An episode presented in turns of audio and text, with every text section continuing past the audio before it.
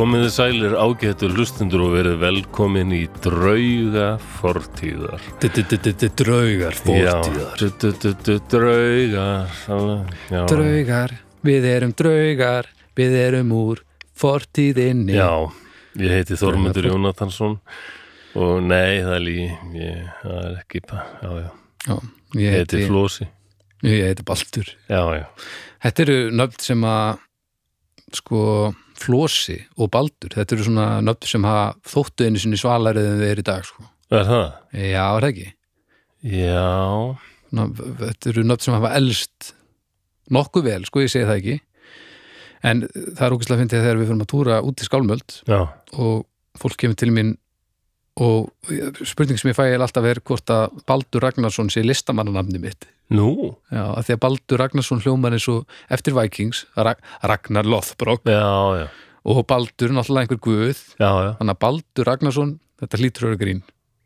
Já Þú veist, það maður ekkert sem að einhver heitið þetta í alvörunni. Sérstaklega ekki út í einhverjum svona Já, við erum vikingar bandi Það vita náttúrulega ekki allir að Ísland er endilega tengt vikingum Nei, nei, nei. Kannski fæstir bara.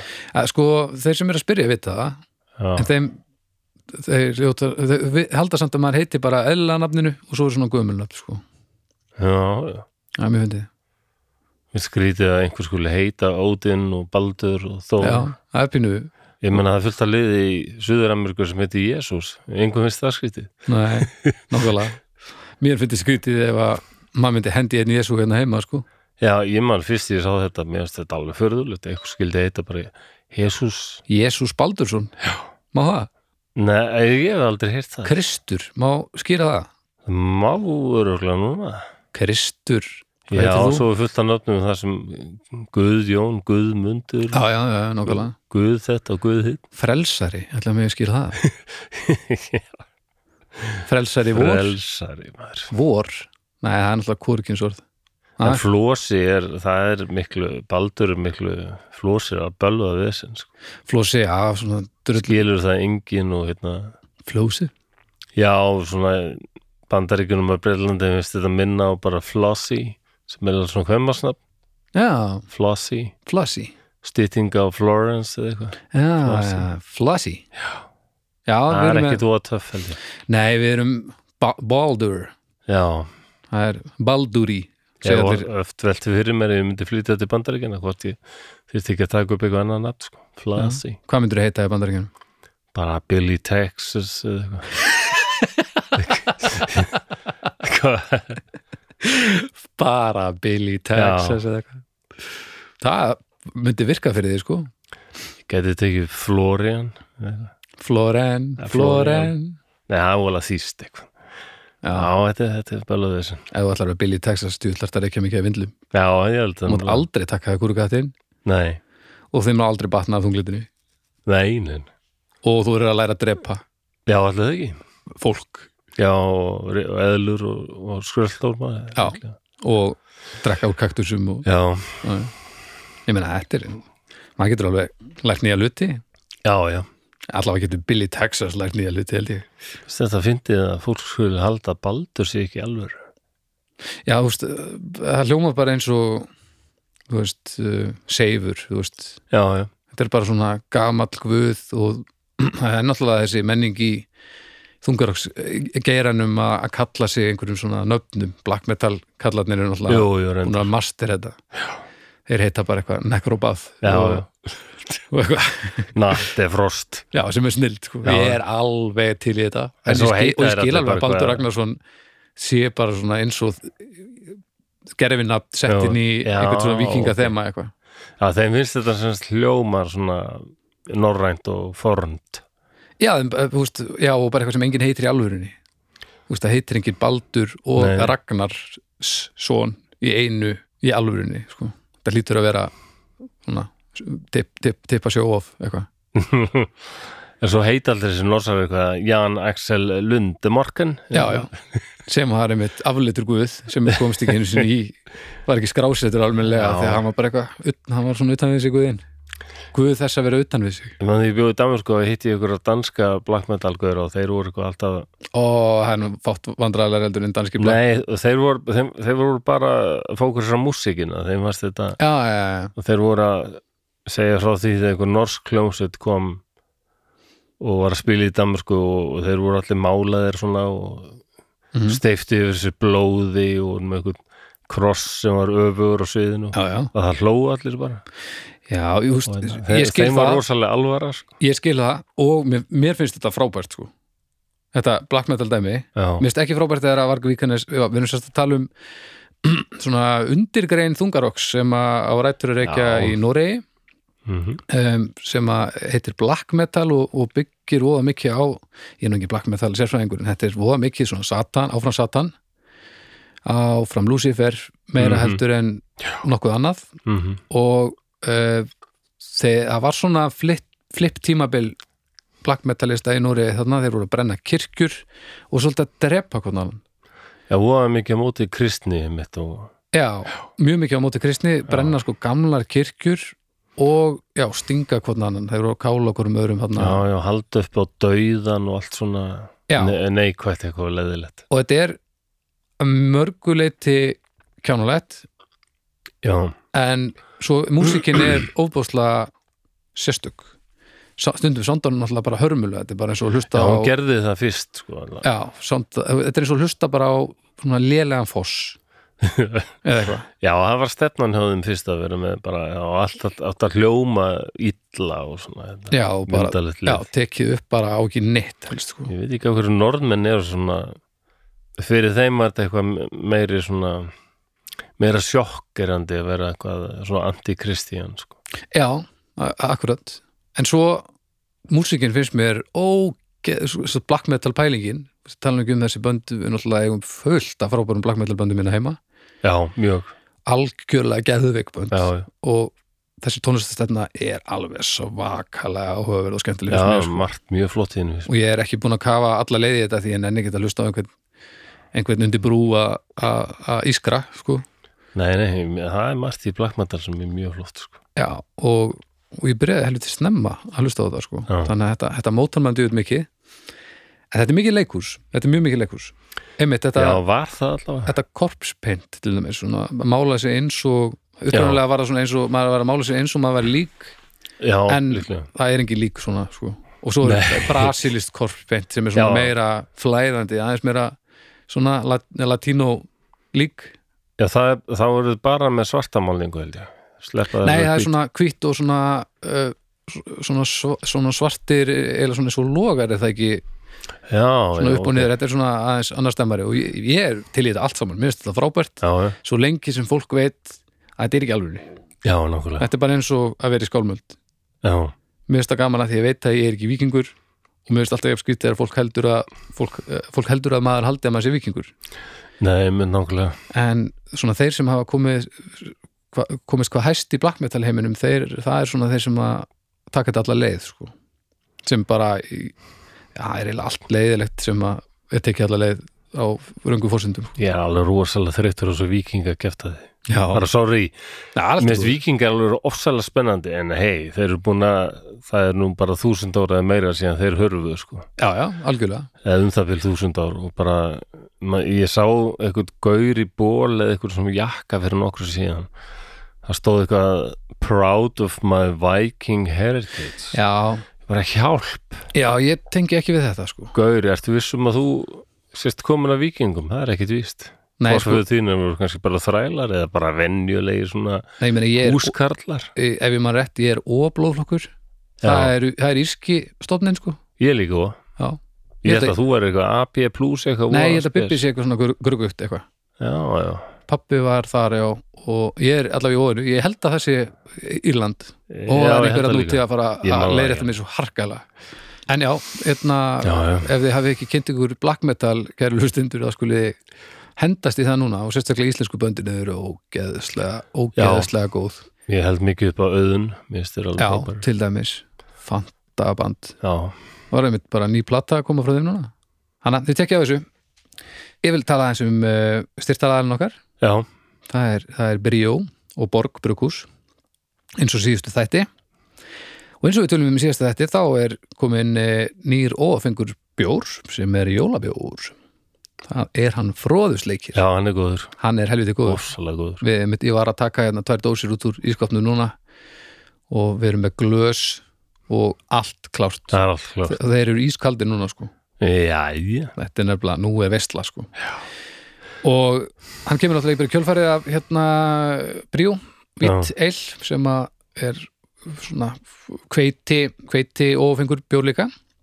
Fróðsleikin er komin í, í búður út um allt, hann er í, í meðlabúðinni í ferðarköpum, krónunni, hagköpum og bara út um allt. Og fróðsleikir er einn af þessum óþekktari jólasveinum sem að hérna sem að, já, tala kannski aðeins minna um heldur en þessa, þessa topp top menn hana það var bara valdir 13 hann út af þessu kvæði hans hérna Jóhannesar úr köllum var ekki hann? Já, og sem byggir mest á uh, Jóns Árnasonar, er þetta ekki bara þjóðsögunar? jú, jú, Já, og já, það var bara svona valið topp 13 greinlega hittarinnir, þú veist. Já. Og sem þetta er, þetta er útlýtingum finnst þetta alltaf æðislegt sko. við erum með 13 jólusveina já, þeir eru allir svona, svona dólgar. Já, já, ég kem og borða þetta er, mér, þetta er alltaf frábært lið sko, já, fyrst þetta er ekki til, sko þú veist, ég var ekki til í að þekkja þekkja hurðaskelli nei, nei, nei, nei, nei nei, þetta er náttúrulega óþjóða líður eins og þeim er líst í þjóðsögunum sko. Já, ég menna, ég ætla rétt að vona að gluggagæðir væri á litla raunni yfir jólin já, veist, þetta er ekki lægi við skulum bara, bara svo það komið fram. Já, já, bara stela kjötkrækir, stela kjöti skýr gámur, þetta er bara hálger ófreskur sko, ekki alveg mennskir. Og ég vona að engin methodleikari ákveða að verða gluggagæðir. Klifurar upp í ESU drösla sig, kemur ógislegur hérna í bæin eitthvað að byrja, "Í, kíkja inn um glugga. er hann einn af þessum 13, glugga ekki já, já, nú, já, já, já. og hann bara bara kíkjar hörmur glugga já, hann er bara, hann er bara að kíkja. Já, hérna. Hann er bara að kíkja. Hörmur já, er og hurðaskellir. Djúðari, já, maður þarf að vera fara að leika jólasinn og vera method byrja alltaf efst í esunni já, Djúðaldi að verði rillilega þreytandi. Á, mjög. Og hættulegt úrlega maður ætla að að maður ætlar að gera þetta alveg þá byrja maður náttúrulega að búa upp, upp á fjöllum allt árið. Og svo drösla maður sinnir í bæ alveg hellaður. Ég vil að hurðaskellir eru lamin fljótt.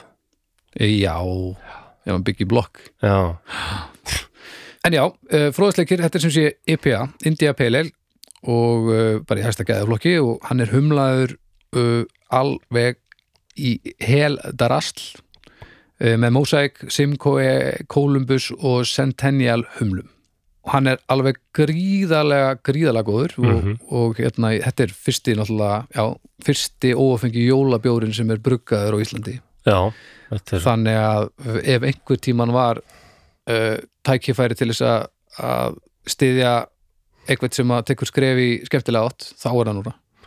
Sögulegur bjór þetta er sögulegu bjór, nefnilega. Þannig að þið skulið stökkut í búð og tekka á honum fróðusleiki þetta var svo skrítin setning ef, ef þetta hefði ekki verið samíkinu en, en já, þið skulið finna ykkur fróðusleiki og bráða honum og þið skulið sjálfsög að tekka á hérna Bríó Vítel í leiðinni. Tveir algjörlega framúrskarandi bjórar. Já, já. En jæja, flósi minn Hvernig ertu í allir, allir hjón getur nokkuð tíma að fara í fróðusleik Örgla á Íbísa eh, á Íbísa Það er alltaf svona fróðu disco Það lítur að það kallast fróðusleikur Er Það ekki? jú, það lítur að gera það. Er hægt að fara í fróðu disko Fróðu disco? Já, já, já, já. Það er vestla fyrir með það er glæðislegt prófa það maður. Reykur, ljós og læti og fróða og, og ég ég hef aldrei komið á Íbísa Nei, ekki heldur. Nei. Íbíða Ég ætlum að segja Íbíða Ég verð nú leðilegur í dag. Ég, hérna, Jæja. bara, ég er döð sigur Ég er bara, Það er skellur? Já, ég er Ég held að ég, ég yrði meira að hissa að þú kæmir út sofin sko. Já, ég er búin að vaki allan nótt. Alla? Bara alltaf því ég er komin í frí þá bara snýju öll á kolf og þetta er hverju geti ég ekki verið eins og aðri menn? Mm. þetta er eitthvað, er eitthvað, eitthvað dægurlag sem er svona get ég ekki verið já, Af hverju get ég ekki? Þetta er hann að fallin 4,9 mm. get ég ekki verið eins og aðrir eitthvað? Já, ég rosalegri leðilegur ég bara veit ekkert hvað ég að segja. Nei, já, nei, það er alltaf leið sko. hjálpið mér hamingja Nei, nei, þú ert ekkert svo leðalur nei, Af ok, hverju finnst þér þú svona leðalur? ég veit það ekki.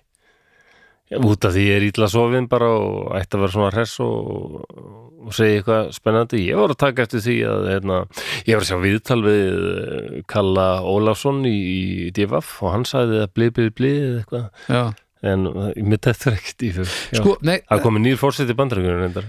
Já, en sko, nú, nú ætla ég að spyrja þig um, Hvort held, þú veist, nú ert alltaf að segja út sér svo leðalur og svo eru ógæslega margir alltaf að segja út sér þetta ekki. Já, já, og vilt þú meina að þú þekkir þið best er þitt sjónarhóttn þig raunsætna raunsæra heldur en sjónarhóttn eins og mitt sjónarhóttn Nei, nei, svo sem ekki. Ég er bara upplifið mér svona núna, sérstaklega þessum árstíma. Nú er þetta sem ég kalla Nodesjan. Mér finnst þetta svo flott orð. Nodesjan. Sem er bara november, desember, januar. Novdesjan. mm. Og þetta er alltaf eitthvað voðalega undalegu tíma á orðinu fyrir mig. Það er einhvern veginn eins og ég fungir bara á 50% orku mm og þurfi að passa mig á að, og, og var meiri tendist til að sofa. -hmm. meiri tendens til að fara að nota tóbak. Það, ég fundi fyrir löngun í það. Já, meiri tendens til að borða nammi eða kjöt. Já, ok. Og bara ósalur tendens til að sofa og svona, eins og maður hugsi minna og en þú ert þungleðisjúklingur jú, jú, Ef að þú myndir ekki vilja sofa meir í nóvumber þá verður þungleðisjúklingur verið sko. Þá verður algjör B þungleðisjúklingur Þú ert A manneskja sem þungleðisjúklingur myndi ég segja, eða það, jú, það er kannski rétt en sko. jú, jú, En ég, ég vil líka pæla það sko eins og þú. Já, ert þú meira það sem að fólk upplifir að því að hitta þig eða er maður þar sem að maður hugsa sjálfur, veist, er ég þekki ég mig best eða þekkja eða þekkja aðrir mig best. Hvað er maður? Er maður, er maður samspil sitt gagvart öðrum í heiminum eða er maður það sem er að gerast inn í hausmunum á manni sem maður segir ekki endilega upp átt er maður Eh, aðgerið er- sínar eða er maður hugsanir sko? Þetta eru áhugaverða pælingar sko. Já, En ég held á endanum það maður sjálfur sem maður sem þekkir maður best sko en en ef maður gerir ekki það því sem maður er að hugsa? En, en sko svona ástand eins og þunglindi eða maður er í geðkörfum eða hvað sem það er Já. Það rugglar náttúrulega þessa mynd sko. Já, algjörlega á tímabili þurfti ég einmitt að því ég var á geðdeild út af þunglindi svo var grenjandi bara í rúminu í hérna, í hérna fósturstellingu bara og Já. sagði bara mér finnst ég bara einskýrsi verði og bara mm. lífið mitt að, ef ekki afreika neitt og, og, og lífið mitt er bara stefnir í ekki eitt nei neitt Mm. það var bara eitthvað fólk sem þekkti mig ekki neitt Já, hjúkunarfræðingur sem ég man eftir þetta hún sagði bara mér sýnist það ekki ég hef lesið söguðina saman bara. Og ég, ég sé það ekki með það sem litla sem ég hef séð sko. Hmm. og verðist þú nú hafa gert heilmikið ok, rólega hjúkunar konar samt að hitta þið fyrst skipti og kallaði legar bara um leið. Já, já, hún, hún var náttúrulega bara sinna vinnunni Já, já, já. Styrkja með eitthvað sko. Já, já, En það er einmitt mikilvægt að, að sko, komast á þann stað að maður geti svona já, svona, já, hort á sig bara með skýrum já, já. og styrkja sem mitt, ég er nú ágætur þessu, ég er nú fítinn þessu ég er ekkert svo ljótur og bara, Mm svona realismin svo. Ljótur, var það þessu líka? Ég með allt saman hefur einhvern tímann, já, já Vá, heimskur og ljótur, jú, jú niður yfir það þekkir engin bönd sko, það er bara kemur hefur þú, allt til sko. þú, þú hefur, þegar við fundist þú vera heimskur og ljótur. já, já, já, já, það hljómar kannski fárulega núna. Já, gáðar og gullfallegur. Já, já, segðu. Já, Ég ég hef tekið eftir einu, ég held ég hafi sagt hérna fyrir einhverju síðan, einhverjum þáttum fyrir nokkru síðan að ég var að byrja á einu þunglendislifi til viðbótar. Fjórða? Nei, þriðja, Já, ok, næs, ja, sem heitir Velbútrín. velbútrín Ég var á því, já, fínt lif Ve, ve, velbútrín Velbútrín sem var vist, uh, ég held að það eru upprunalega hannaði sem lif til að fá fólk til að hætta að reykja þegar það minkar Já. löngun í tóbak Alveg rétt, já en svo bara komst fólk að því að það bara var letara og hressara já, þannig að það er aðalega þunglindislif í dag sko. ok. Og ég kláraði mitt bíjarreitger þegar ég var á því lifi og var bara kom ímsu í verk. Ok, þannig ég, mér langaði að prófa að fara það aftur. Mhm, en ég hætti þau sín tíma út af aukaverkunum sem ég var mjög hrættu við. Ok. En það voru sér reyði reyði, já, reyði sagðir. ég man ekki hvort ég hef lent í því. Mm, mm, já ég þegar ég fríkaði út þarna í stúdíun á sín tíma. Já, það var líka, ég var svo ég var í sambandi þá sem tók dálítið á. Já, og svo já. var ég líka á þessu lifi og þetta var skemmtilegu kottil já, en ég er samfærður það núna. Og ég er búin að vera á þessu lifi í smá tíma. Þetta er, þetta er aukaverkun. Ertu að fá, ertu að fá að já, kvöst núna? ég er nefnilega að finna, finna og þetta er nákvæmlega þessi gamla tilfinning. Alveg bara það verður alveg óbáslega reyður allt í einu. Bara eitthvað í tölvunu virkar ekki og bara ég finn bara og þá ég er hittnallur Já. verði ég vilt að fara úr að ofan að því bara með verður svo óbáslega heitt? Og ég er kulvís sko. Hva? og það er bara svona, svona tilfinning í húðinni eins og sé svona rafströmmur og ég finn að það bara ef ég sleppi mér alveg þá er ég bara brjálaður mér langar bara að öskra og bara djöfum sér selvið þessar skoðu er það að segja mér að stundum sérstu einn heima og prentarinn virkar ekki já, þá rýfur þið úr og ofan og byrjar að öskra hann. Já, eða ég gerði það einmitt á sín tíma, er snilt ég braut tölvuna mínum eins og hendinni frá mér svo skjárin brotnaði Nú, þetta er alveg, þá já, þetta var alveg og auminga ex-konan mín já, já.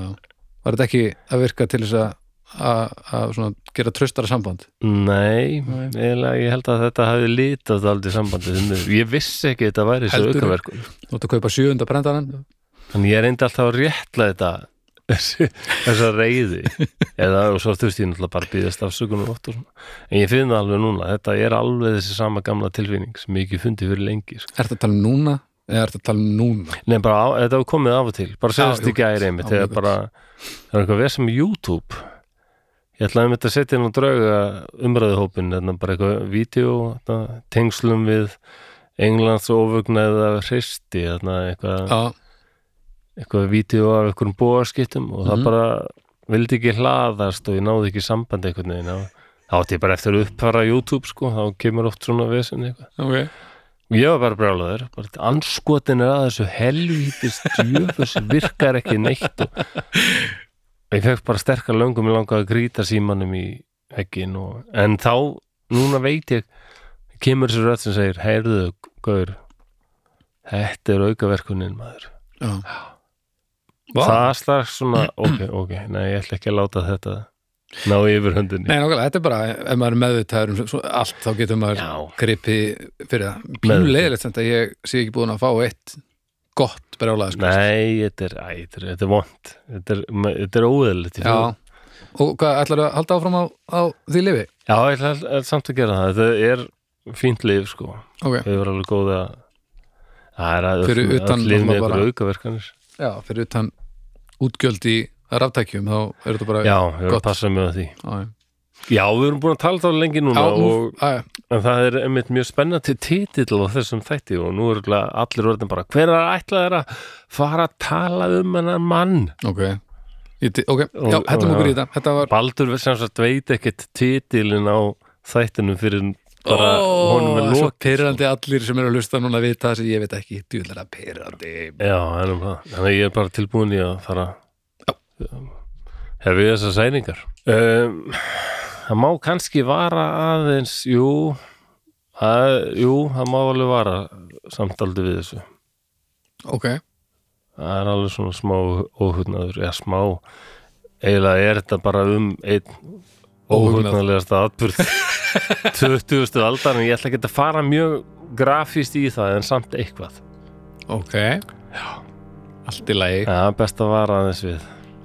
Já, góður hlustundur við skulum þá hafa komið því, við skulum setja okkur í stellingar. Og það er nefnilega komið að því loksins eftir allt þetta blaður að við förum beint í það að særa fram drauga fortíðar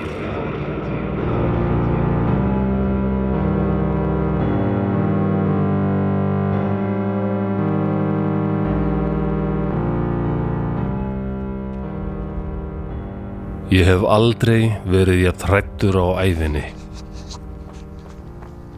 Ég skammast mín að hugsa til þess að eitt sinn þá fannst mér þetta svo spennandi tímar.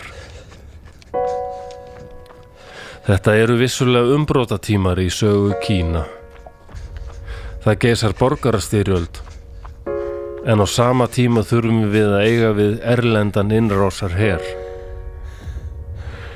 Ég hafði heyrt hræðilegar sögur af japanska hernum en ég hefði aldrei trúað því að grimdin væri svona hömlulaus og hræðileg. Japanarnir eru sem djöflar. Þrátt fyrir að líkjast okkur kynverjum nokkuð í útliti eru þeir allt öðruvísi. Tungumál þeirra er hranalegt og framandi og ímsir siðir þeirra undarlegir og ólíkir okkar. Ég veit ekki hvar við erum núna. Það er mjög dimmt en eldar loga víðsvegar um borgina. Hljóðin í kringum mig eru sem beint úr helvíti. Ég heyri skotkvelli, skelvingar öskur og háfaða í druknum japanskum hermönum. Sistir mín 15 ára heldur fast í hendi mína. Japanarnir tóku foreldra okkar og ég er sannfærður um að þau eru látin. Japanarnir myrða karlmennina yfirleitt strax en nauðka konunum og myrða þær síðan. Ekki fá allir snöggan döðdaga. Það líður ekki sá dagur að ég heyr ekki skerandi óp og hróttalegan hlátur hermannana.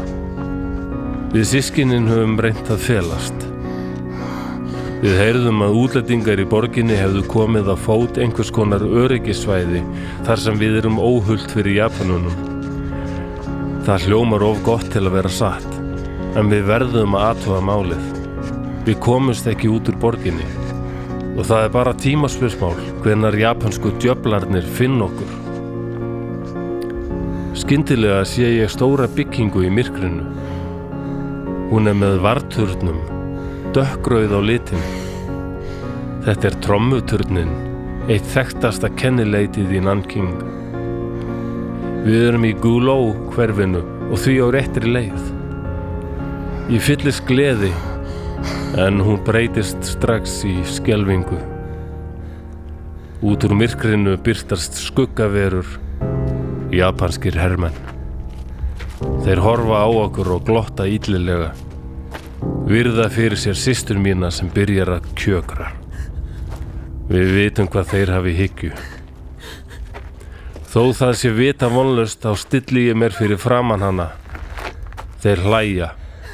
Eitt þeirra gengur hægt að mér, talar rólega eins og til að sefa mig.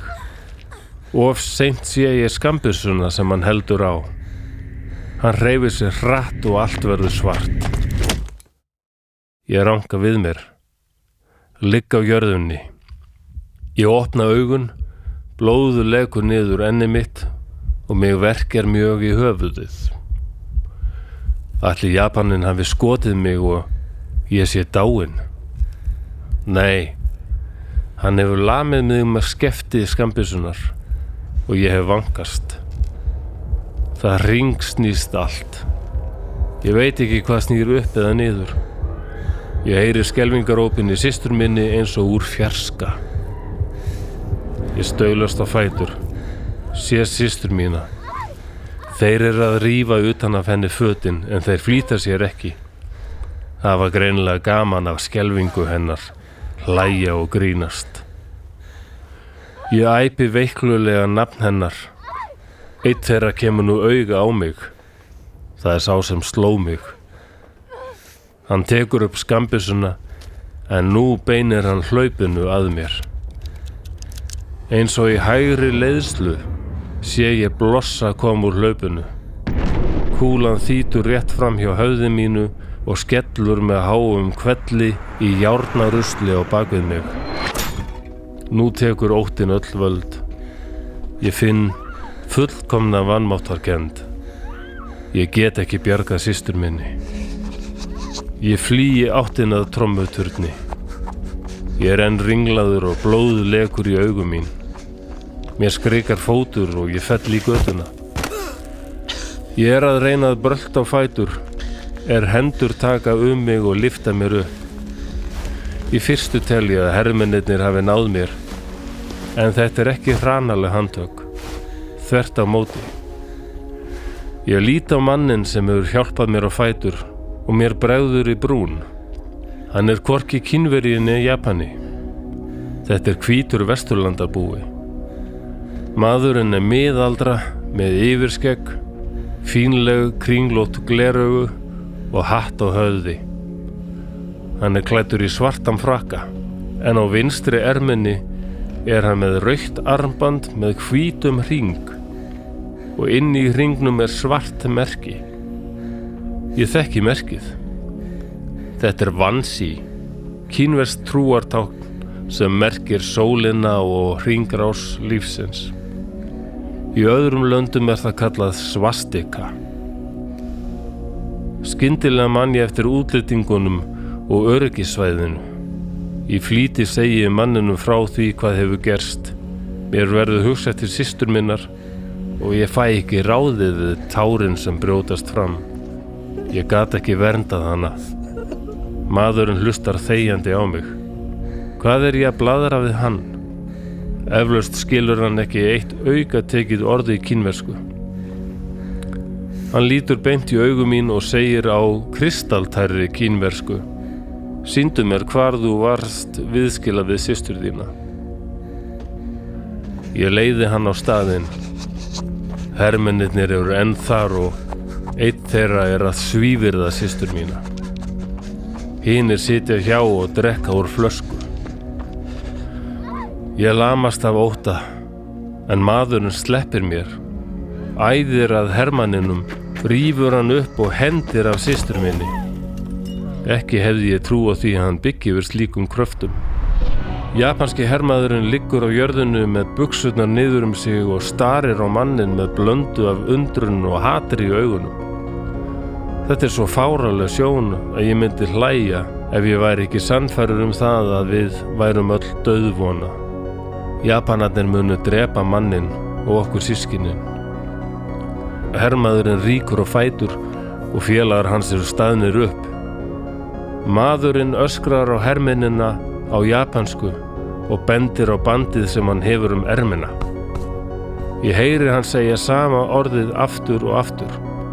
Það hljómar eins og Deutschland. Hermaðurinn sem var nöðga sýstur minni ætlar að rjúka í mannin en þá gerist nokkuð sem fær mig til að gapa af undrun. Félagar hans grípa í hann og halda aftur af honum. Svipurinn á andliti þeirra er óræður, næri eins og þeir séu hrættir. Hver er þessi maður eiginlega? Ég hleyp til sýstur minnar og faðma hana. Aldrei ætla ég að verða viðskila við hana aftur. Frekar mun ég degja. Hún faðmar mig á móti og grætur. Við erum í þessum spórum í langa stund þar til ég líti upp. Japansku hermennir eru farnir. Maðurinn stendur þarna ennþá, horfir á okkur og segir Við skulum fara. Það er ekki óhætt að vera hérna. Hann talar frábara kynversku. Ég heyri varla nokkur hreim. Ég spyr mannin hvað hann heiti og hvaðan hann sé. Hann lítur góðlega á mig og segir Ég heiti John og ég er frá landi í Evrópu sem heitir Þískaland. Ég skal hjálpa ykkur. Komið með mér.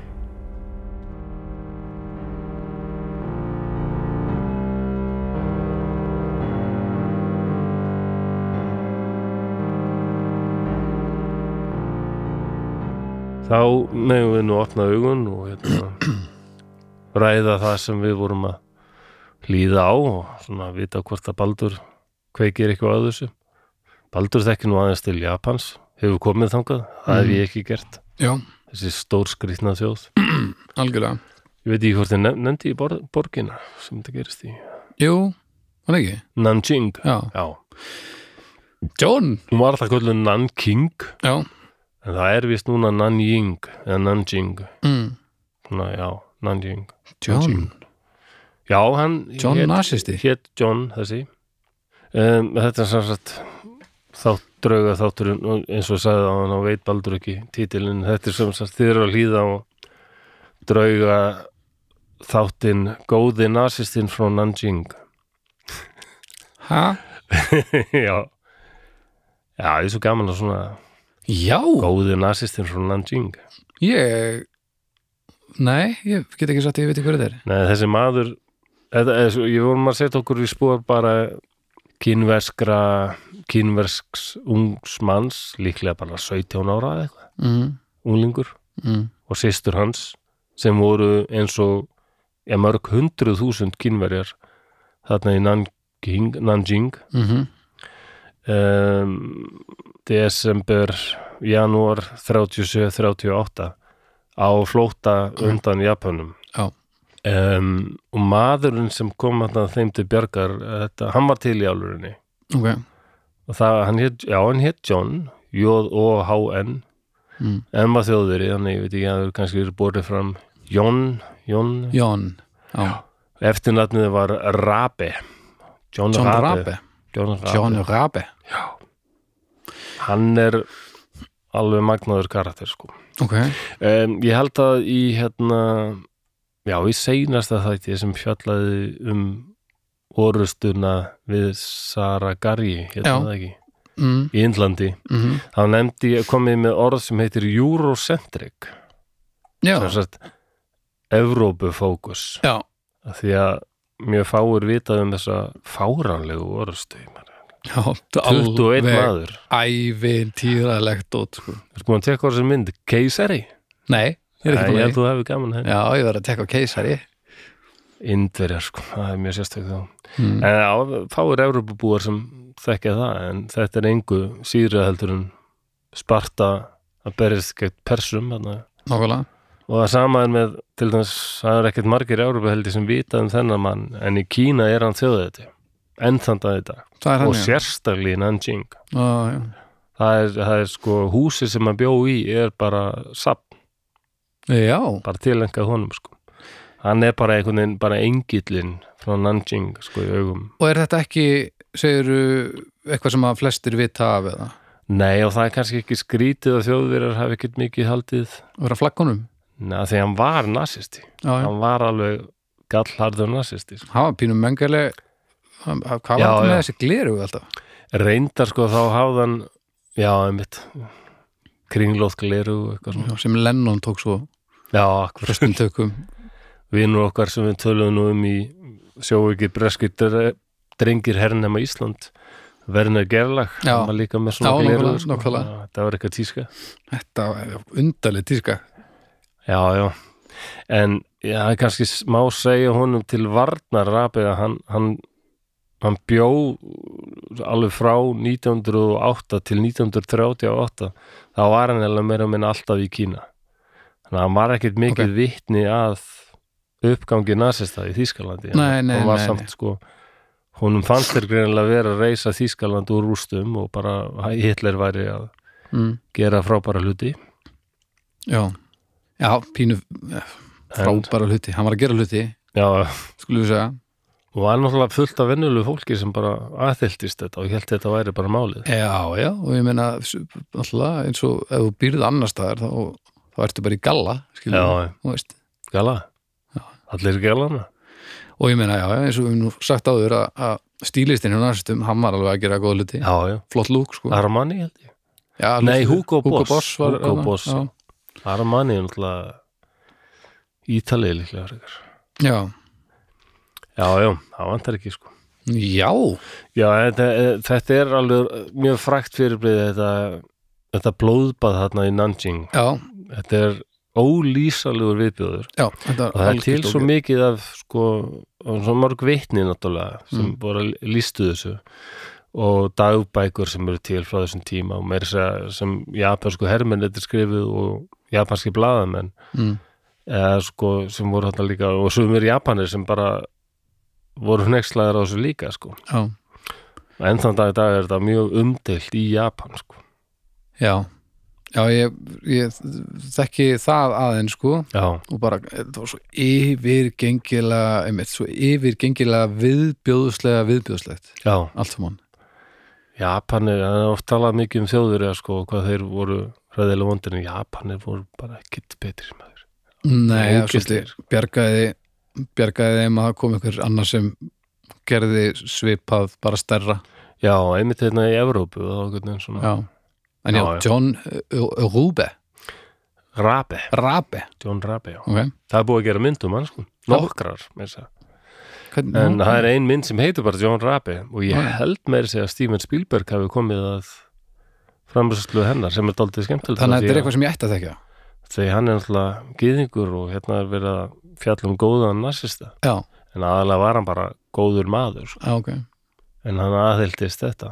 Já, Já, uh, Japan er sem ná Nanjing Já, ég veit ekki hvort þú ættir að þekka þetta. Nei, alls ekki, ég myndi ekki segja það sko, því að þetta er ekkert mikið verið að flagga þessu nei, það er það er beggja megin að vera, þú veist, ef þú ert góður gaur og nasisti, það er Já. vandræðilegt ef þú ert nasisti og svo er góður gaur Já. vandræðilegt, þetta er aldrei undarlega blanda sko. já, En Japan er ná Nanjing 13. desember 37 og þetta voru svona sex vikur þar sem var bara hræðilegt tímabil mm, þessum Japanir, það voru náttúrulega margir búin að flýja úr borginni, þetta var stórborg mm, var þá höfuborg hérna, kínverska líðveldisins, það var Mhm. ennþá kommunistar ekki búin að taka.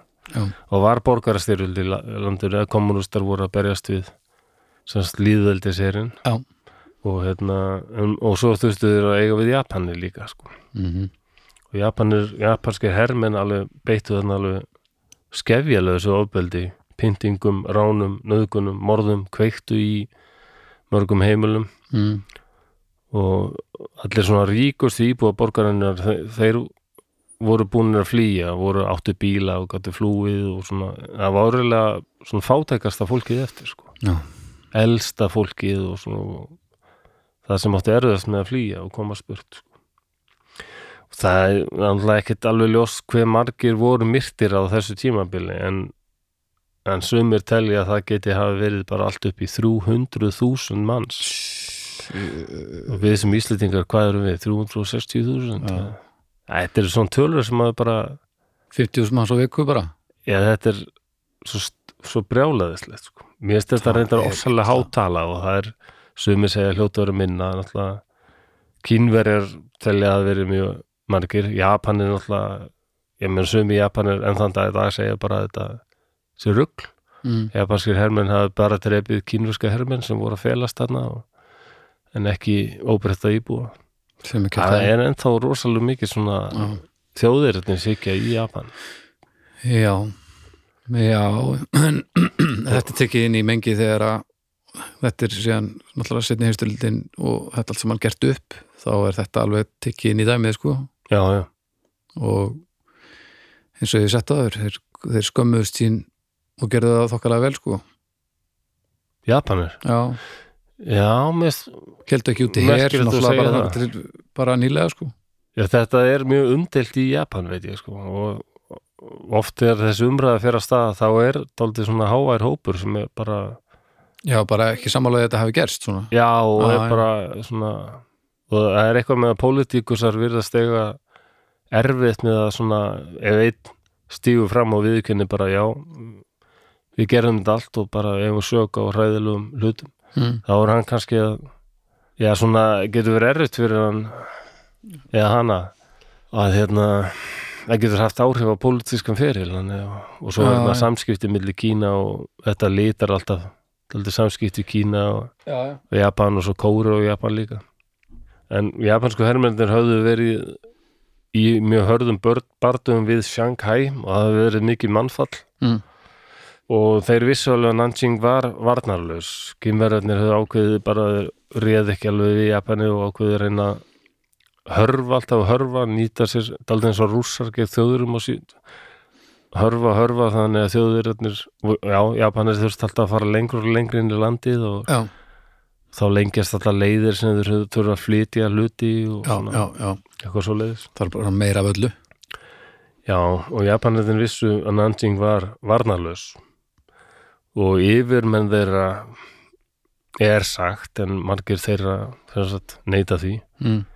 yfirmennum en í Iris Chang sem skrifaði um mjög fræga bók sem heitir The Rape of Nan Nanjing Mm. kom út ní, já, tíund áratum 96, 7 eða eitthvað mm þá vissu mjög fáir eiginlega um þetta fyrir utan Kína Já, þetta vakti mikið Þagn, bara þöggun algjör Já, bó, bókinin hennar var svona bestseller og bara vakti miklu aðtegli sko. Ok. ég lesið hana, hún er mjög mögnuð sko, og var hræðileg bara og hver var hann, segirðu, sem skrifaði hana Nei, hún, Iris Hún? Chang, hún er kynveri af, já, bandarækjamaður af kynverskum ættum held ég ok, sem er bara búin að kynna sér málið Já, já, Já. hún gerði það vel sko. ok, það er, er aldrei svona merkilegt rít sko. mm. og hún heldur því fram að yfirmenn hafi sagt mönnum sínum hann í Nanjing að þeir mættu sleppa sér bara lausum og ræna og nauka og Já, já. hefða þess að þeir vildu. Mm. og það er líka alltaf vandræðalegt fyrir Japani að yfirmaður Herablans hét hérna, já, Yasuhiko Asaka ok, uh, og hann var mjög grimmur, hann bara gaf skipun um hann í Nanjing að bara allir sem gefast upp bara taka á lífi, tökum enga fanga. Já. En hann var prins hann tilhyrði nefnilega keisarafjölskyldin já, hann var beint undir hýr og hít og þannig að þetta ah, er erfitt fyrir að viðkynna þetta. Já, heldur betur maður. Ég fór og sá Ég- á nýjársdag í ég sá keisarafjörskilduna halda ræðu á já, í sjónvarpinu það nei, sást það bara læg já. Það var sagt bara þetta var rétt eftir hérna senda flóðbylgjuna. Já, já, og ég skoðaði það að ég ætla að beila á fólkinu mínu sem ég var með þarna og ætla að fara upp til að kíkja á, á ástandið þarna. Já.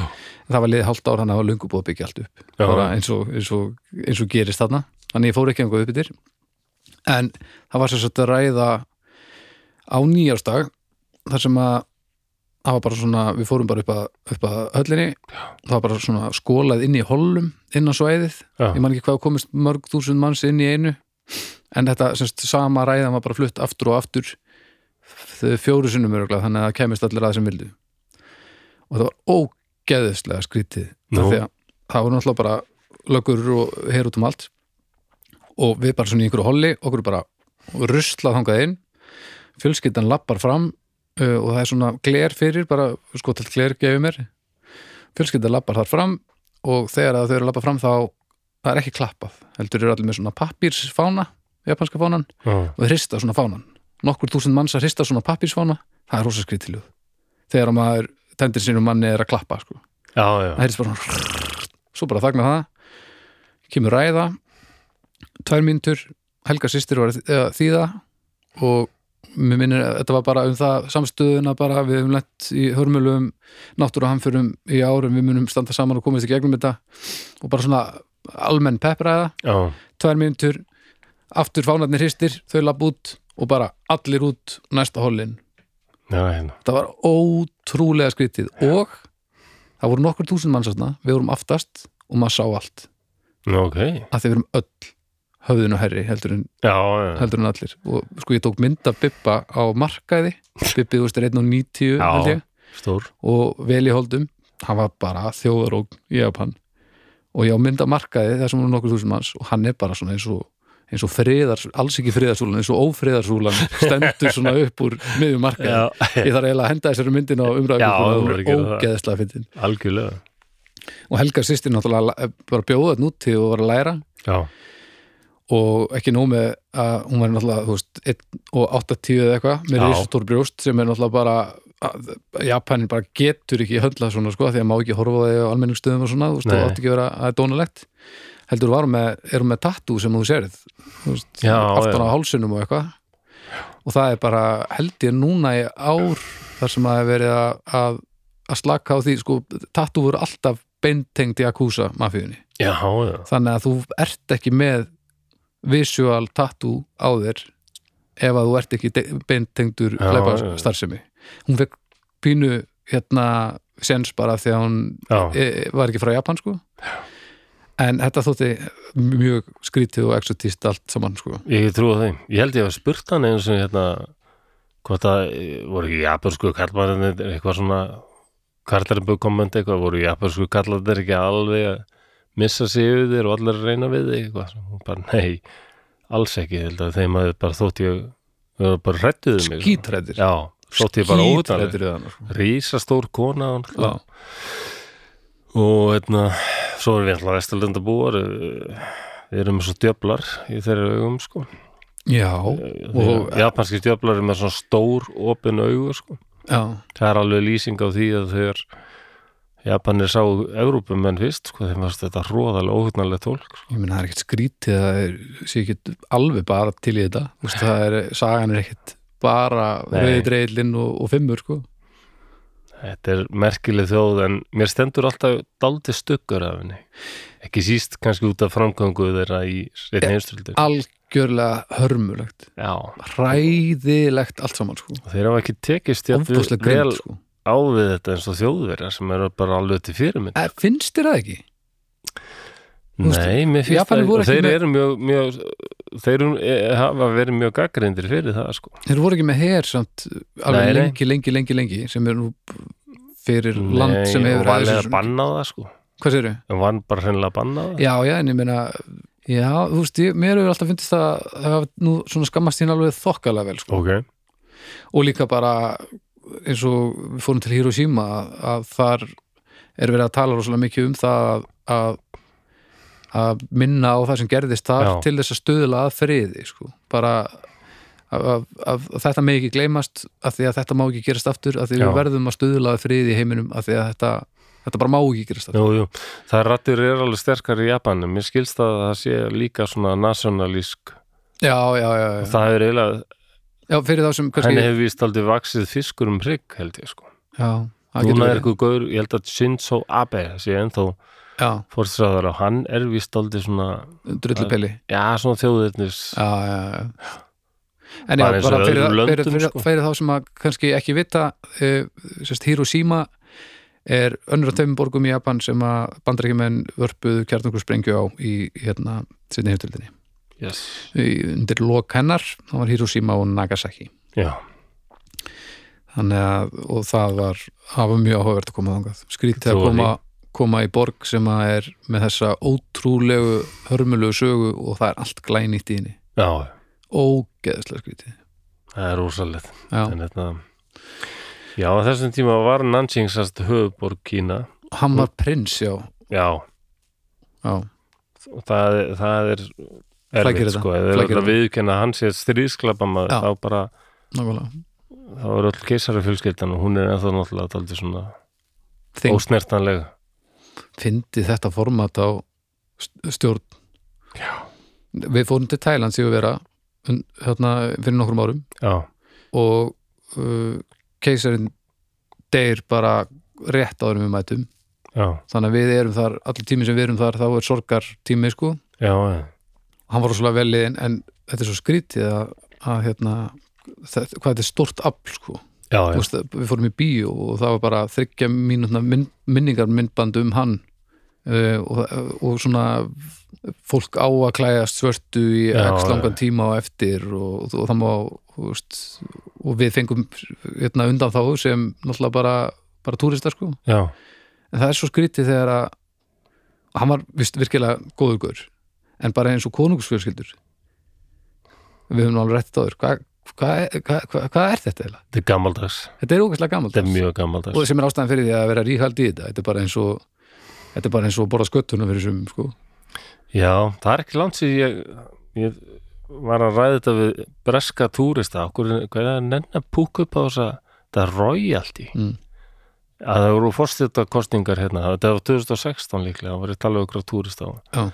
okkur hérna bara gera svo við og verðum með líðræði bara, getur bara kosið ykkur þjóðvingi fyrir ég alltaf vera með þessa kettlinguna betur Mm. þá sögðu breytarnir að já, nei, ég er alveg svo sem alveg sammálaðið sko. en máliði bara það að þessi konungsfjölskylda er bara eitt mesta túristatraksjun í Breitland já, já. það, það er eitthvað svona um ein biljón punta sem er talið að breytar fói bara hverju ári tengt tengt þessari konungsfjölskylda ég hef aldrei pælt í því svo er þetta þeirra neighbors ha, þetta er þeirra neighbors og þeirra bold and the beautiful. Já, það ég líka meina á hverjum einasta degi er Jú, fréttir þetta kjams á þessu. Já, já, og ef einhver giftir sig eða einhver er að fara eignar spatt já, já. veist, þá fer allt bara á hliðina. Er Kristinn Haukur Guðnason Já, hann er mjög þinn. ákveðin í því að vera royalisti. hann er rosalegu rójalisti og bara þegar einhver er að fara að eignast barn í, í, í konungsfjörskyldu þá er bara fyllist interneti bara af, af dóti frá honum, ógeðislega skrítið og fyndið Ég var með hjúkrunarfræðing í Danmörku sem var líka svona með dönsku fjölskylduna sko.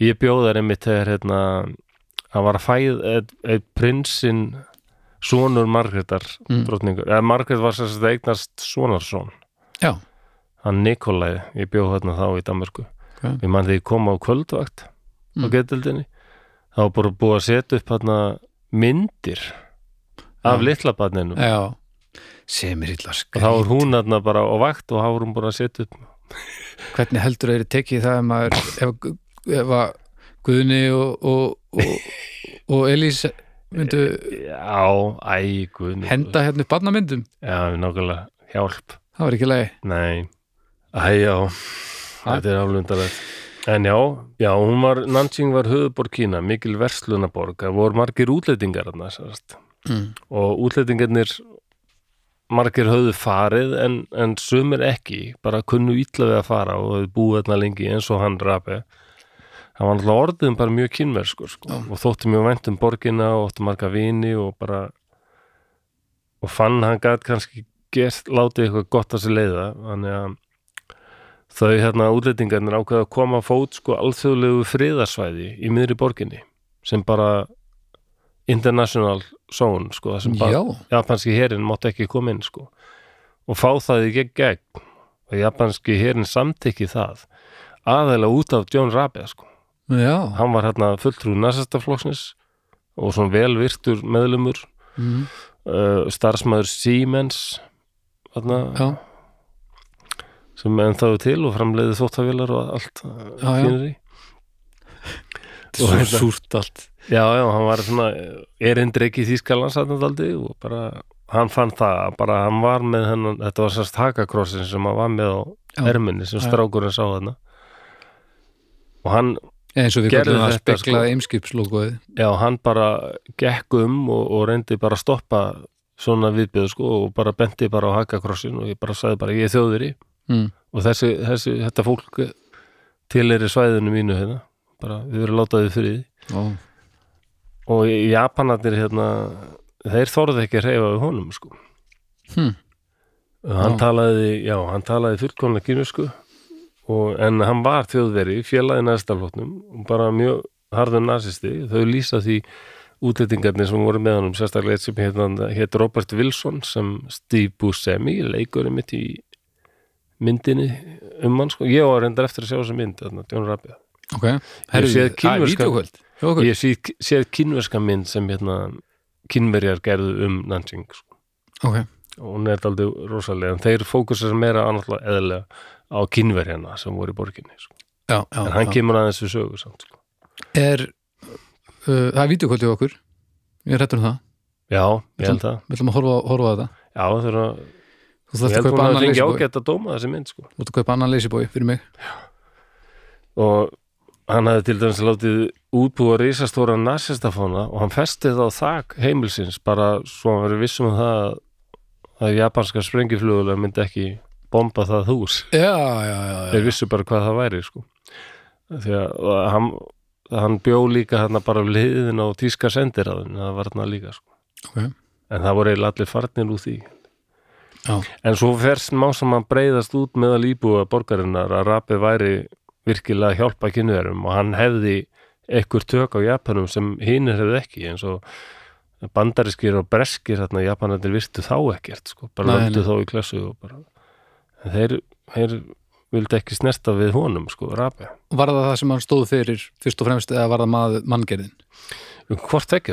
Æ, en örugglega ennþá meira sko að hann var þjóðiri og, þeir, og þetta Já. voru Japanir komnir í bandalag já, með eða svona, já, svona hálfpartin já, já, hálfpartin öxulveldin sko. já, um, já, en talandum, já, heimili hans og kynverjar þeir fóru bara að streyma að heimili hans sko. já, já, hann hleyfti öllum að og bara heimili hans fór að fyllast af flóttafólki þannig að hún dætti til hugar en að koma á fót svona alþjóðulegu svæði sko.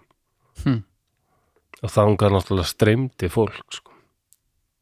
að En talandi um hvað viðbjóðslegt þetta var, þá var til dæmis hérna, aldrei frægsaga frá þess að það voru tveir liðsfóringar sem fóru hérna, japanskir, mm sem fóru keppnum það hver er þið fyrstur til að hálsöka hundra manns með sverði og er til myndir bara þeim.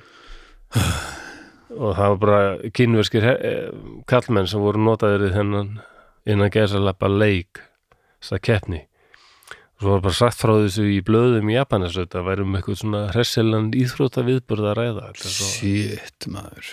óbúslega óhugnalegt Djöfult sem að þarf að aftengja sig eða djöfult sem er búið að aftengja mann ef ég man rétt þá var þetta náttúrulega margir Japans sem svo að þetta er bara legarsaga en þeir eiga vist báðir að hafa viðkend þannig að jú, við gerðum þetta.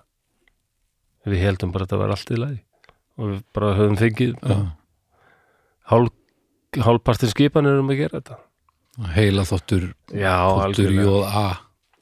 Og hérna, já og þeir náttúrulega ef maður reynir að setja sig inn í hugarfari japanska hermanna þá það var mjög erfitt og hart að vera í japanska hernum það voru strangar refsingar og Já, mikið á þá lagt og þeir eru verið í mjög erfiðum bardugum við kynverja og margir þeirra búin að sjá marga félaga sína deyja mm. og bara orðnir hálf sturlaðir af stríðsrillingi held ég. Já, já, sem að hefur hefur sérst bara í styrjöldum út um allan heim hjá öllum, öllum vídeldum sko. Og svo líka eins og segir heila þóttur að bara líta á gyðinga sem bara eins og þjóðverða með gyðinga. Nei, líta á kynverja sem annarsflokks eða þriðjaflokks fólk varla sem fólk. Já, já líka, já, þau ert svona rittar einhvers æðri málstaðar sem er stærri en þú. Þú veist, þetta er bara kamakassi lögmálið sko. þegar þú sem einstaklingur skiptir ekki máli heldur það sem þarf að leysa. Já. Þar byrjar þetta að verða svo fullkomlega gufu rugglusturla sko. degja fyrir keisaran ég er svo lítið til í að deyja fyrir keisan ég, ég er ekki til í það, ekki neitt. Þetta ekki degja fyrir guðna? Mynd á guðna? El Presidente. helst ekki sko. Og allavega ekki, þú veist, ef hann segir mér að gera eitthvað heimskulegt, þá ætla ég ekki að gera það en jú, ég meina, ef að Guðnir í vandræðum á, jú, jú, ég kem til bjargar Guðni ég er ekki að rólegur, Guðni. En ekki til að degja en ekki bara svona, heyrðu, farað þú þangað og, og, og deyðu fyrir mig. Að var eða gerðu eitthvað hörmulegt fyrir mig. Hefur þessi myndina Patton um hérna bandaríska hersöðingjan Patton? Um Mm. frábær sko. Nei, er það sveðju? Sve, Nei, okay. sveðju? Nei sverdrullin hann Nei, það var bandarískur. Það var bandarískur, já, ok, já. Var ég- ægilegur svona töffari alveg grótharður en hann var menn hermennindi dýrkuðan sko. ég hefði alveg bara vilja vera í hans liði sko. ok, sérstaklega þegar helt ræðu og sagði sko bara ég vil ekkit að þið séu að deyja fyrir föðurlandið. Bara gleymi því helvítis kæftaði það sem ég vil er að þið látið hina helvítis drullu dillan að deyja fyrir sitt. Fínt pitt basic sko. fínt pitt, já, þetta skildu amerikanar en flósi já, ég nenni ekki stríð sko nei, nei, nei, ég held ég verið lélöri ég Já. verið örgulega ægilega hrættur og ég trú ekki á það Já, það er ekkit víst, svo veist það ekki sko. nei, auðvitað Það er ég- ótrúlegasta hólk sem verist standa sér ákveðlega í því sko. það getur vel verið í frábæri stríði en það er ekki betra sko. Ef ekkert annað er í bóðið sko. ó, ég voni sér Ég held þú verið mjög eðilegar og skemmtur eftir það. ég, já, það held ég. Já, já. Allir sem ég þekki sem ég nú alveg, ég aldrei talaði eitthvað sem beinlinni svar í stríðinu. Nema að ég þekkti gamlan Dana sem var hérna illu heilli hérna landaðumara vörður. Landaðumarum Þýskalands og Danmörkur þegar þjóðirar reyðust inn Danmörkur Já. hann var einn af fáum sem uh, virkilega veitti viðnám sko. Já, já, og tekið til fangað þjóðurum sko. Já, ok. já, hataði ekki. Þess að það er ennþá bara sterti í mér bara ég heyri þýsku sko ég bara orðskullas helvítis. En, en, en, en ég þekki ég er alveg kynst fólki sem átti foreldri sem var í stríðinu. Eitt þjóðveri sem ég vann með í Danmörku. Pappi hans hafði verið í stríðinu. Sagði að það er alveg ef ég, af, ef ég reyndi eitthvað að byggja pappa að segja mér þá bara, bara þegið. Og veist ég tala ekki um þetta. Já, já, og bara á svona komið svona blik í augunans sagði hann bara sem, ok, ég hef aldrei séð hennar svip á kallinum aður Ég held nefnilega að þetta, þetta fer á staði heilan sem, að, já, sem er staði sem maður notar ekki í þetta staðlega það er allir hálf einhvern veginn. En japanskir hermenn virti ekki alltaf þetta friðarsvæði hérna þeir eru náttúrulega fullir og voðalegir og bara og hérna þeir fóru inn á þetta friðarsvæði og það var aðalega einmitt rapið bara æðandum með hakkakrossin bara mm. það, fæla það frá. Hann Þetta skrifaði aðstæður. Já, hann skrifaði bréf til Þýskalands að svona kvartaði yfir þessu sko og sagði þetta er hérna okkar hérna bandamaður einhvern veginn sem er að hegða þessu svona þetta viðbjöður Já, hann fekk aldrei svar en sumur telja að einhverju þýskir einhverjur hafi kannski nefnt þetta við japanska sendiherran við erum að fá hérna ljótar sögur Mm. eins og þjóðir hafi getað eitthvað hérna, og það hefði kannski borist einhver borist aftur til Japan og, svona, Já. og það er svona erum algjörlega að láta þjóðir hérna í Nanjing í friði sko. eru þessi bref til sem sagt sem hann skrifaði Já, Já, hann, hann, hann meira að sko tók myndir líka ok og, og skrifaði mikið um þetta sko. hann, hans lýsingar er alveg voðalegar sko. Og er það talið, lýsingarnar eru svo það er talið eftir. eða hvað? ha, Það er talið nokkuð Er, og, er þá ekki aðeins svona erfitt fyrir Japani að vera að láta eins og ekkert hafi gerst? jú, jú það er það Já. það er ennþá mjög styrt á milli Kína og Japan aldrei út af þessu sko. En, en bó, en Iris Chang hana, The Rape of Nanjing benda á hann aftur hún Mhm. telur að milli 20 til 80 þúsund kýrverskum konum hefur verið nöðgað hann sko. það er alveg óbóðslega mikið nöðganir sko. Shit, það var bara svona hræðilegar nöðganir en John Rabi hann var sem sagt fættur já, 1882 lest 1950 já, hann hafði búið í Kína alveg þarna í næstu 30 ár þetta, þetta var já, hann, hann gat bara þetta var hans heimili, sko, hans heimaborg sko, hann gat ekki alveg Nei. hann var orðin svo mikil kynveri eiginlega Mm. um, og já, aftur um Eurocentric, það þekki allir Óskar Sindler Já, það ekki? jú, jú, ég meina Sindlers list og svona. Nákvæmlega þekkir engin John Rabi Nei. samt og Sindler líka í næsta lóttum Já, rétt uh, Sindler talaði að hann hafi bjargað alveg um 1500 gyðingum sem Mhm. er alveg frábær árangur og ekki verða auðvelt sko. Nei, og, og hvernig hann gerði það er svo Óbóðslega mörgum, miklu sensarteknir Já. og sniðut bjargaði mörgum börnum og svona sko. mm en, en það er talið að, að John Rabi og félagar þarna hafi bjargað að kynverjar telja að þau hafi bjargað um það byrj 200.000 Mannslífum. Þannig að þetta er einhver keppni það er að Fuck. nasistin í Kína daldi að vinna sko Holy moly því að það þegar mest var þá var alveg næstu hálf miljón flottamanna sem tróð sér inn á þetta alþjóðlega svæði þannig sko. wow. Var það var stort svo það? skelving sko Veistu hvað þetta er stort svæði? Eða? það var ekkit rosalega stórt eða það var svona eins og e, svona hve- e, lítið hverfi bara og það var mjög tróðið og var hungur og skortur og öllu sko en, Skömm- en þeir voru me, mest, skora. mestanpartin í friði frá Japanunum sem bara, maður þetta var um óbúslegs skelving sko Púf, þannig að hann er eðlilega algjör þjóðhetja í Kína sko. eðlilega, já En uh, talandi um Eurocentric að því að ef þú spyrði eitthvað í Evrópu, hvenar hófst setni herstöldin? Það var bara, Já, þú mennar að, að hann fyrir austan hafist fyrirmenninu já, Já, hvenær byrjaði að hafa Það- þar? það er, í Japan og Kína sko, þá það, það, þar er bara sagt því að þetta stríð hófst 37 sko.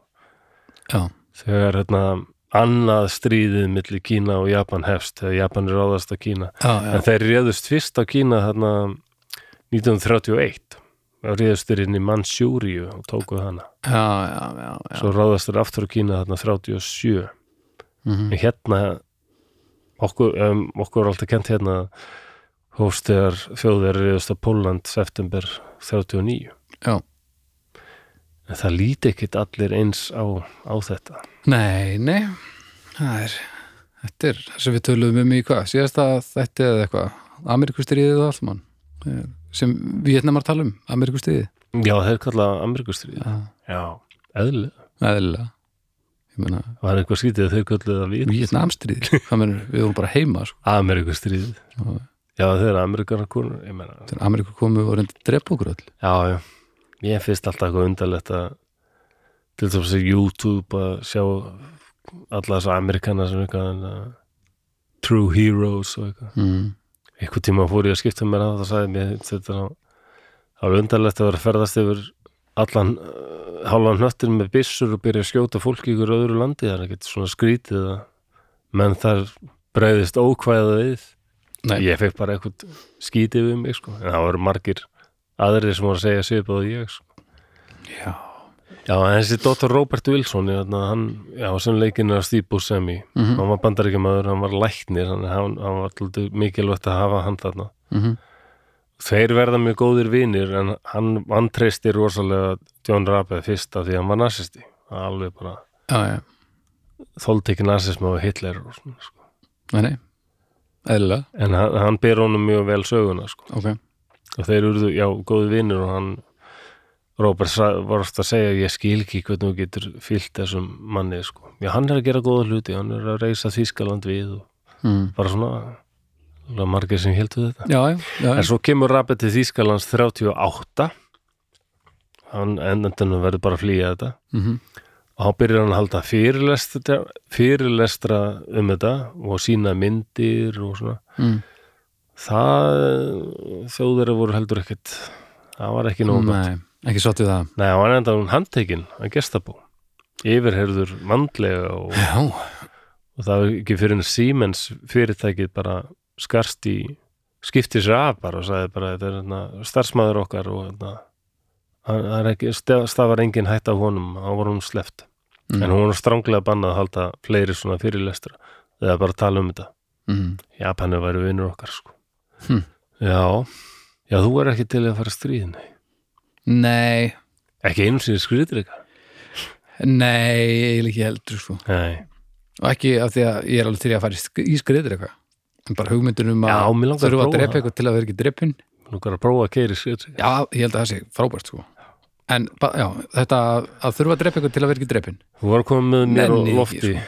til, í- ekki til í það sko Þú var að koma með mér á loftið þegar við förum lóksans til Englands að, Já, á skriðdrekasafnið í Búington í Suður Englandi já, hérna, hér heldur betur. Tek með mér upptökugræður mm og við bara skrásetjum þetta drasl. Það er eini svona gangfæri þýski tíkar skriðdrekin sem til er sem er Já. þá gangfær. Og og er orðin kvikmynda props. kvikmynda stjarna eftir að hafa komið í myndinni hérna, Fury Já, akkurat það er sá skriðdreki. Já, já Pitt. Ég held að við lofturinn pingu svona st- starstruck að sjá alveg tíkar mynd, Já, þú veist, að, að hitta skriðdrekan eða Brad Pitt, hvort myndi hafa meiri áhrif? Nei, skriðdrekan Það er ekki? Jú, jú, Já. alveg bara. Þetta er svo frækt tól sko. Brad líka? Já, blessaði brat Já, já. Hvað, hann má ekki halda fyrirlestra? Nei, nei Hvað gerist svo eða Já, svo bara hann vinnur hann, hann barðist aldrei við sikursíki þannig að hann var svona á lítla haldin allt stríðið, hann vann eitthvað bara með eitthvað vennuleg störf og mm, segir ekkert meira á hann fyrir en eftir stríð. Mm, þá hann að því hann hafði verið í næsta flotnum þá þurfti hann að fara í gegnum svona einhver prósess sem var svona afnasismun. Og bara heitir það allavega á ennsku denazification sko Já. Já, og hérna, hann var samt yfirhefður rosalega af, hann var tekinn til fanga fyrst af hérna rússum. Mm, sem er náttúrulega yfirhefðan rosal, rosalega og það var kannski ekkit verið þægilegt. Nei, nei. Og svo, en þeir sleppa hann á síðan og hann fer yfir til vestur síns og breytar hann taka þar.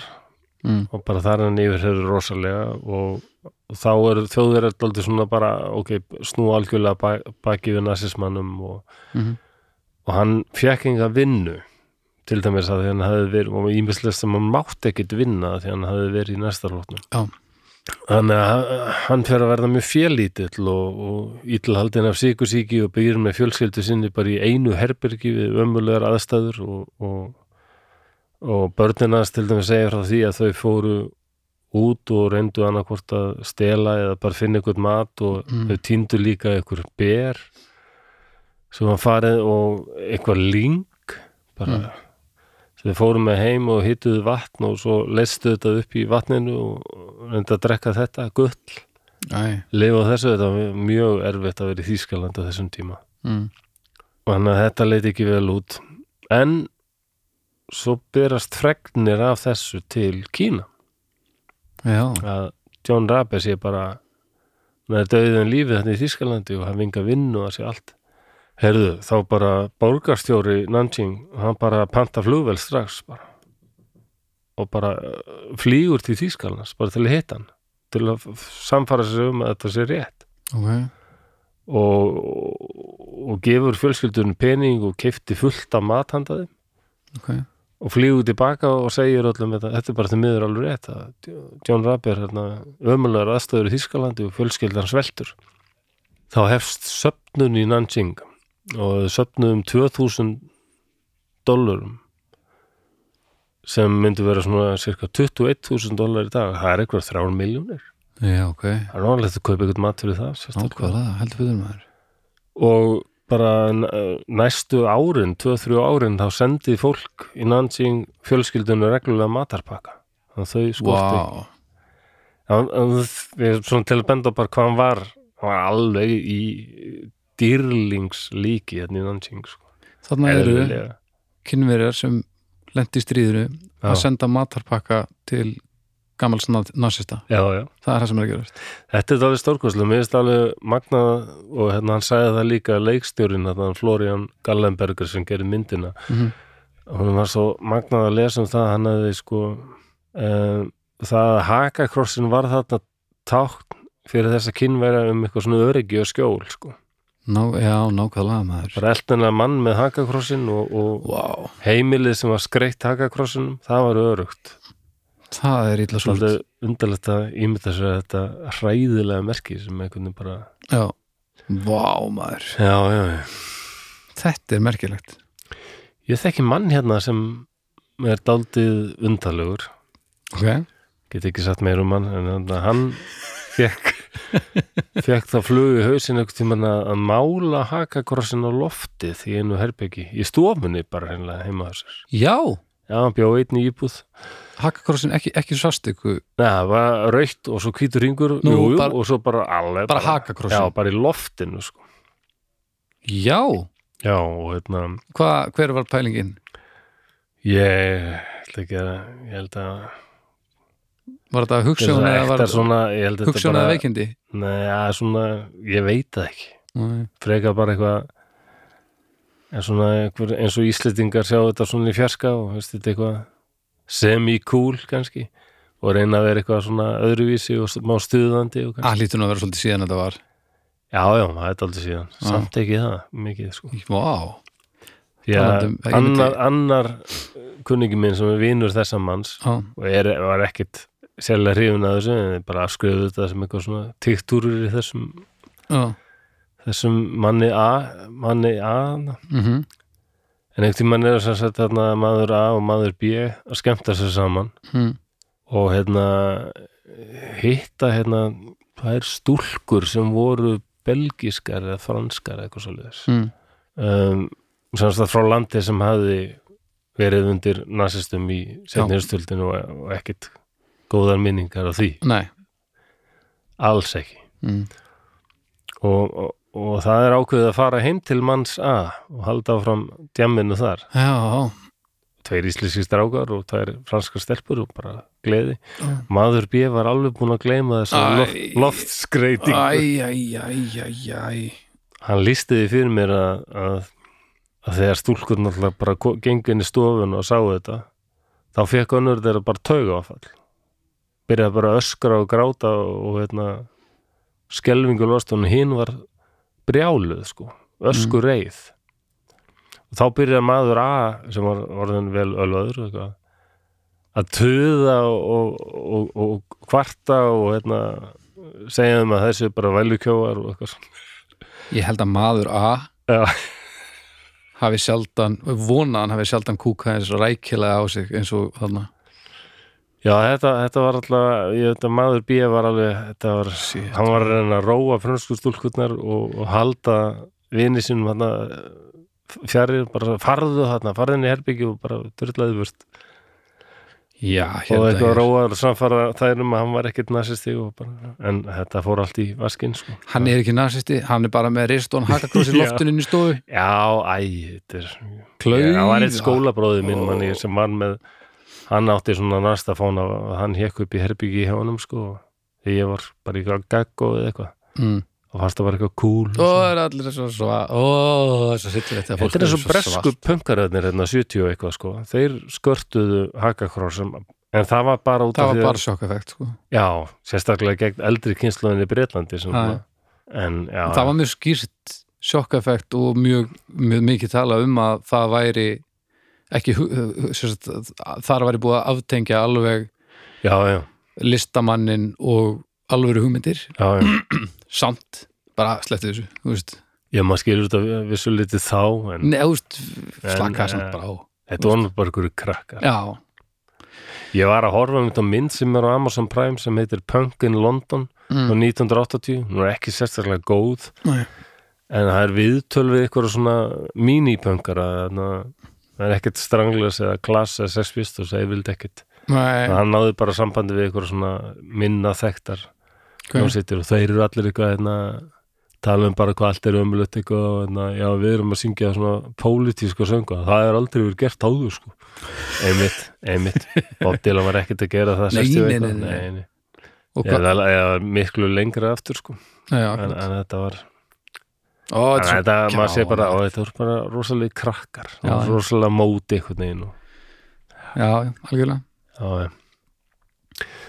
Hvað hérna, já, ég, svo skráði ég bara hjá mér hérna, Florian Galleberger gerði semst þessa mynd John Rapp 2009, ég á eftir að sjá hana, merkjöld nokk. mm Og kynverjar, hann sagði kynverjar, ég las viðtalið við hann, hann sagði kynverjar voru ekki hjálplegir fyrst.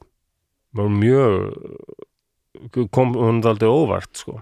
Já, Ég sagði bara, jú, jú, hann er náttúrulega alveg stór persóna en daldi erfið tímapunktur að því við erum búin að í svo góðu sambandi í Japanu núna bara hrættur um að þetta stikkið sko. já, já en, og hann sagði þetta að leita átt ill út sko, hann langaði svo að taka upp í Kína mm. og að nota rosalega mikið af aukaleikurum, alveg bara nokkur þúsund sko. Já, já, hann sagði að það væri mjög erfitt sko, ef vantar 30.000 aukaleikara sem að leika kynverja Mm. helst vildi hann bara fá 30.000 kynveri eða já En þetta leit hálf íl út, en þá akkurat koma Japanir til bjargar af því að það kemur út bara ný skólabók og þetta er, þetta hefur verið, já, 2007 eða eitthvað. mm. Þar er bara ekkert minnst á hriðverk Japana þarna í Kína. Bara alveg skauta fram hjá öllu, sko. Þá urðu kynverðar svo fói, allt í hún bara næst þegar Gallenberger fór eitthvað að tekka á þessu, þá bara, já, þú mátt gera hvað sem þú vilt. 30 og endilega bara lístu þessu eins vel og þú getur hvað Japanir hafi verið ógeislega vondur Já, vá. Þannig að þetta er ennþá hann sagði að þetta er ennþann dag í dag er þetta mjög styrt á milli þjóðana Já, já. En og þú- að sjálfsögð í rauninni þetta er alltaf eitthvað sem að sem að hverfur aldrei sko Nei, ég spurði pólska stelpu það var bara 2-3 ár síðan upp í háskóla þarna, hvernig heldur að hvernig er alveg svona samband pólverja við þjóðverja svona út af stríðinu og sagði bara það er bara gam eldri kynnslóðin sem er eitthvað svona mm. tala um þetta ekki, ekki við yngri alls Nei. ekki bara, það er frekar að yngri kynnslóðin sem hafi hortni síður rússa og líka Mm. margir af eldri kynnslóðin líka Já, af því þjóður hafa þó sko beðist afsökunar og Já. reynt að bæta samskiptin meðan rússar þræta fyrir allt Já. þeir kom ekki vel fram við pólverja sko. nei réðust náttúrulega á þá. Já, já, já Hvern- já, hvernig hérna, fer svo fyrir honum á endanum, veistu hvernig deyr hann? já, hann degið 1950 Þannig að hann- 1950? Já, já, Nú, hann, hann, hann ég liði nú ekki svo lengi eftir þetta Hvað hvað var hann gamall þá? Heyrðu, hann var fættur 1882 Eh, 82, 68 Já, 68 ára. 68, já, það er nú ekkit það er já, bara hann var alltaf, já, sigur sjúkur já, þannig að hann hefur bara, bara dáið já, ég veit ekki alveg ég man, ég man bara hreinlega ekki hver var orsök já, ég held að er bara frekar náttúrulegum ásökum sko. Orðin heilsu veitil og svona sko. já, akkurat já, þetta er en fjölskyldan allavega minnist þess að þau bara fengu þessa pakka frá Kína sem bara held í þeim Það er lífinu lengi vel. Djúfitt er það magna já, mér finnst það, ég veist þetta skil ekki á verið, ég er ekki búin að ég var bara búin að gleyma honum. Já, ég var nú bara ekki búin að muna eftir honum einu sinni. Ég bara held ég hafi þú aldrei heyrt um þetta? ég held ég, í alveg ég hafi bara aldrei heyrt um þetta. Nei, það var spennandi að heyra hvort að og það er vídeokvöld já, það er klárlega vídeokvöld sko. já, já, já, þú, ég og, og Lilli verður að horfa með bara. Hún, já, hún já, þarf já að ætlar að fara. allan upp? Já, já, hún þarf að takast á við ljótleika tilverunar Já, hún þarf hún- að gera það fyrir þessi að verða tveggju og hálf sko. Nei, neða nú kannski alltaf að vernda börnin svona, víst leifa þeim að trúa jólaseinin og Guð og svona alls ímynduðar verur. Nei, nei, eða ekki, ekki ég, helst ekki sko. Nú, já, það er nú eitt. Er þetta? það er eitt svona, sko, ef ég kýsa að að tala um jólasinnin eins og sem skemmtilegur en ekki til já, þá heyrir maður alltaf í öðrum fóruðum maður er bara að skemma fyrir okkur, ég er ekki að fara að kóa með því að þú setja að ljúga börnunum hvað vill ég segja en þetta? hvað en ef ég, Ég er ekki að fara heldur að senda þeim línu, bara eitthvað, heyrðu bad en ef ég ákveða að koma í jólaseinabúning og ætlar þú bara að segja, já, nú er koma í heimsötn hann ætlar við jólaseinabúning ætlar ekki að segja, bara eitthvað herru, stúfur er að koma í heimsötn og hérna, jólaseinin Mér finnst magnað að þú hafi ákveðið að þú er stúfur að þeim öllum. Þú ert svo klassiskur giljagur sko. já, giljagur, já, Já. ok já, ég sátt ekki það, en hvernig sem það er. Nei, ég myndi þetta, ég, ég held að ég myndi bara vilja takla þannig að Flósi var að koma í jólasælubúning og hann væri að vera giljagur sko. hvað gerir giljagur? hann giljar gauðra eða eitthvað, ég veit ekki. Oh, ég man það ekki, hann er eitthvað svona eitthvað vesen honum, svo oh, gilja. Æ, ég man Já, ekki, á nú að hann gerði eitthvað giljagur kom það- var það hann sem að var að stelast, nei það er ekki stekkjastöður sem var alltaf að drekka úr róllunum Ói bara þetta er ekkit eðlilegt lið, ég er að segja það. Já, heyrðu, það var eitthvað sem er að sjúa svona ær. Það er stekkjastöður, já, en hann er svo pinnaðar lappir að hann hérna, næri ekki almennilega undir, þetta er alltaf mann köðust, Já, það er allt svona voðalegt sko. giljagur Heyrðu, hann var talin fela sig í fjósinu já, og fleita fróðuna ofan að mjólkurfötunum þegar engi sá til. Rétt. Hann er, Hann er hann er eiginlega. Fróð þjóður Fróðurslíkir Fróðu þjófur Hann er annar. Já, já, 13. desember mm -hmm. Já, mér finnst fróða fín sko fróða, Já, já, já, fróða fín sko þetta var skemmtilegt er það ekki? Jú. Þetta er fróðulegt þetta var fróðulegt Góði nazistin frá Nanjing Nákvæmlega, þetta er já, góði nasistinn, þetta er bara eitthvað sem maður heyrir ekkert rosalega Nei, og ég fann ekki neitt svona um hvort að hann hafi eitthvað sagt að hann hafi séð eftir ef að stutt þetta eitthvað svoleiðis en Nei. mjög líklega Já, er það ekki líklegt? Með Jú, að maður sem telja margir bara, hann, hann var ekki alveg vitni að uppgangi næsista Nei, sá þetta úr fjarska og þetta virtist allt vera efnahagurinn virtist vera lagast og Þískaland að verða svona stór veldi á ný og, Já, já. já, það hefur verið tókstur í tæjanum eftir þetta alls saman maður. Að mér finnst bara daldist niður til vesturveldunum Amerikunum og svona bara Þískaland eftir stríðin nú skulum við bara hjálpa þeim að byggja sig upp. Mm -hmm. Og bara sjá til þess að þeir verði bandamenn. Já. Nákvæmlega, gangi í getnum þess að vitleysu einu sem nefn Nei, akkurat, akkurat. Já, góð hugmynd, mjög góð hugmynd. Herðu, þetta var, já, Já, mjög ég hef ekki meira. Um, Við minna á hljóðkirkjuna Jú, hlóðkirkjan Á mánundum er domstæður Dómstagur, Já, það er rétt. Og á þriðudögum er Þri- það kokkflekk í eirun já, já. og kokkflekk í eirun sem sagt uh, fyrsta fyrstu serju lög fyrir þá að verða uh, hvað, tveimur vikum eða svo en, en hún held, uh, næsta serja byrjaði strax bara viku síðar bara, þetta held kokkaflekki held ótrött áfram. Þannig að það er bara á blúsendi siglingu. Á miðgundum, það er það er alveg stokkur eins og í dag. Jú, Fimmtudöfum snæpi tala við fólk eh, og á föstudöfum er það besta platan og nei hættu nú alveg. Svona gengur þetta. Já. Eh, vik eftir viku þannig að þið ættu ekki að þurfa að láta ykkur leðast Nei, nei. Nema ef ykkur leiðist illa þá vissulega getið að skila sér í leiða. En þetta er nú allt sem að frekar skemmtilegt þannig ég held að, að þið séu þó vandamálið. Akkurat.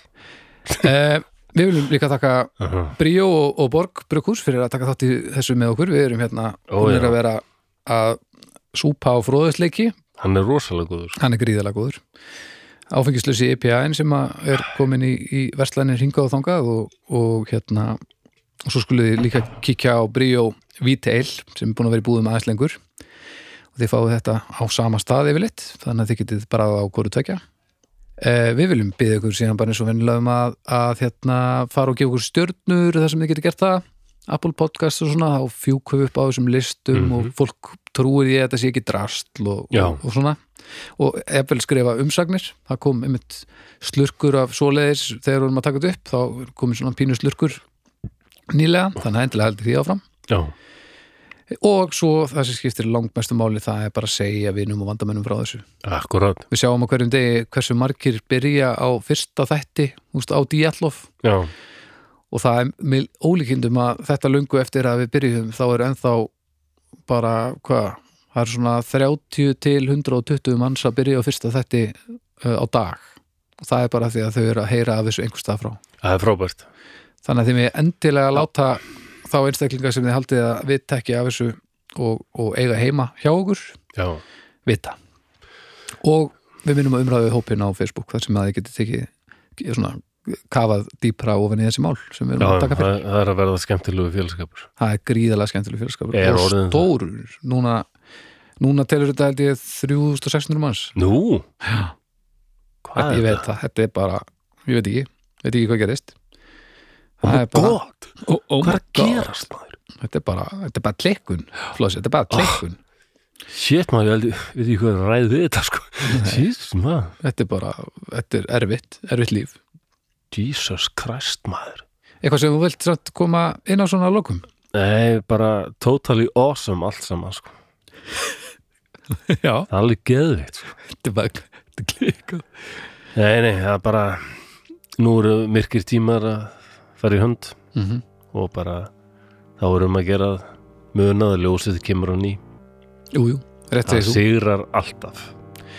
Já, hinga til sko, já, já, við veitum meira sér hvenar það gerist. Það er 21. desember. Nákvæmlega.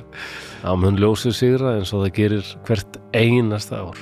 Hárið rétt, þannig að haldið út þanga til. Já. Og þið heyrið frá okkur aftur bara í næstu viku. Yes, takk fyrir. Takk fyrir